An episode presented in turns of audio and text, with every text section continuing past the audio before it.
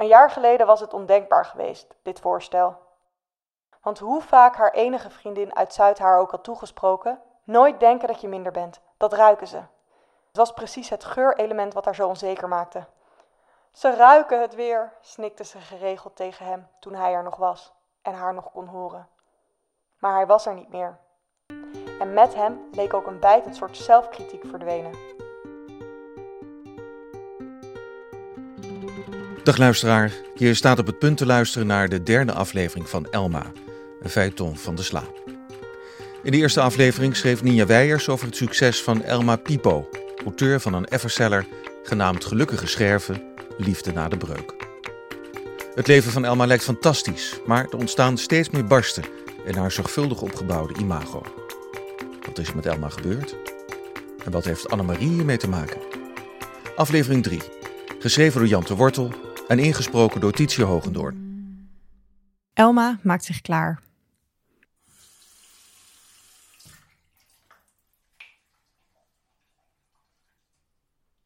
Ze had het gevoeld aan haar water. Altijd weer dat water. In zekere zin was het zelfs bijna alsof ze erdoor herinnerd werd aan zichzelf. Aan een eerdere versie van zichzelf. Een versie die geloofde in wat ze verkondigde. Of in elk geval op een overtuigende manier kon doen alsof. Plots zag ze zichzelf vanuit de ogen van de ander doen wat ze al maanden aan het doen was. Stilstaan, in plaats van doorgaan. Het deed haar denken aan het eerste wat ze had gezegd toen Netflix liet weten dat er toch geen match in zat. Alles was rond, leek het, maar misschien, wellicht, hadden ze toch het beginsel van een minuscule barst gezien, die in werkelijkheid pas ontstaan was na afloop van dat telefoongesprek. Ze had opgehangen en was in huilen uitgebarsten. Krijzen deed ze bijna. Met gebalde vuisten rondbanjerend door haar appartement. Tot ze na precies één uur besloot dat het klaar was. Dat ze het verwerkt had en door moest gaan. Ze sloeg een van de vele kopieën van haar eigen boek open. Natuurlijk, exact op een bladzijde die enorm op de situatie van toepassing was. Met een potlood schreef ze iets in de kantlijn. Het mooie aan scherven is dat ze niet verhullen ooit gebroken te zijn. En toch een schoonheid laten zien die voortkomt uit de vorm die ze pas na de val hebben aangenomen. Het breken heeft ze gemaakt tot wat ze zijn. Scherven op zichzelf. Doorgaan, dat was wat ze moest doen. Voor haar gevoel had ze dat altijd al gedaan zeker in de wat moeilijkere tijden. Maar nu, met het inzicht dat ze in Annemarie's ogen had gelezen, zag ze de werkelijkheid, de waarheid, helderder dan ooit. Ze moest door. En om door te gaan, moest ze met iets nieuws komen.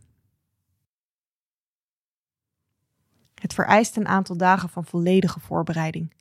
Elma hield zich nergens anders meer mee bezig. Ze had focus nodig hetzelfde soort koortsachtige hyperfocus dat ze nog kende van de periode waarin ze Gelukkige scherven, liefde na de breuk schreef. Ze stond op met een bijna kinderlijk enthousiasme, de opgewondenheid van iemand die leeft met een vooruitzicht, met een doel voor ogen. Iets waar al het andere voor zal moeten wijken. En zo veranderde ook het patroon van haar dagen in aanloop naar het etentje. In plaats van in bed te blijven liggen tot de honger haar hol maakte, stond ze vaak al voor zessen onder de douche en sprak hardop een beknopte dagplanning met zichzelf door. Vanaf het moment van Annemarie's aankomst tot aan het moment van haar vertrek. Of niet vertrek, als alles goed ging. Het moest allemaal uitgedacht worden. Zorgvuldig natuurlijk. Net zo secuur als wanneer je een pincet vasthoudt maar Elma wist dat ze daartoe in staat was. Dat het op een gegeven moment allemaal wel zou gaan rollen, net zoals het dat al een keer eerder had gedaan. Op de dag van Annemarie's komst speelde Elma de avond in haar eentje vast uit. Het was een enigszins gênante vertoning, dat moest ze toegeven, maar om zich volledig in te kunnen leven was het noodzakelijk om voorbereid te zijn op alles wat er mogelijk ging komen. Er kon nog een heleboel misgaan, zo goed kende ze Annemarie nu ook weer niet. Al vermoedde ze door het observeren van haar kinderen, door de manier waarop ze tegen hen sprak, welk speelgoed ze wel en niet mochten kopen van hun zakgeld, en wanneer ze hen wel en niet aan haar broekspijp liet hangen, dat ze toch een aardig beeld had gekregen van de geschiktheid van wie ze voor zich had. Technisch gezien had het ieder ander kunnen zijn, maar toen Elma Annemarie eenmaal tegen het lijf liep, midden op straat, wist ze dat ze er niet langer omheen kon. Dat dit het moest worden. Dat zij het moest zijn. Bovendien was een van de dingen die Elma maar al te goed wist dat als je de zegen niet hebt om een luisterend oor te kunnen zijn, je het dan maar vooral moest hebben van je capaciteit om te kunnen kijken, te observeren, te kunnen zien. Zodra je daar getraind in bent, kun je overgaan naar de volgende en tevens laatste stap: het ondernemen van actie. Of, zoals Elma het wel eens noemt, het lot een handje helpen. Hoewel ze Annemarie aanzag voor iemand die verkondigde vegetariër te zijn, op elk gepast en ongepast moment, stond er voor die avond een bijna belachelijk overgewaardeerd stuk vlees op het menu. Elma had zojuist de oven aangezet en stak haar hand erin om te voelen of het al warm begon te worden. De rest van de voorbereidingen waren gedaan. Ze had zich geschoren, omgekleed, haar haar opgestoken, haar hals bespat met geurwater. Het enige wat er nog ontbrak was Annemarie. Al zou ze er nu elk moment kunnen zijn, bedacht Elma terwijl ze op de klok keek. Alsof het een voorteken was, ging precies op dat moment de bel.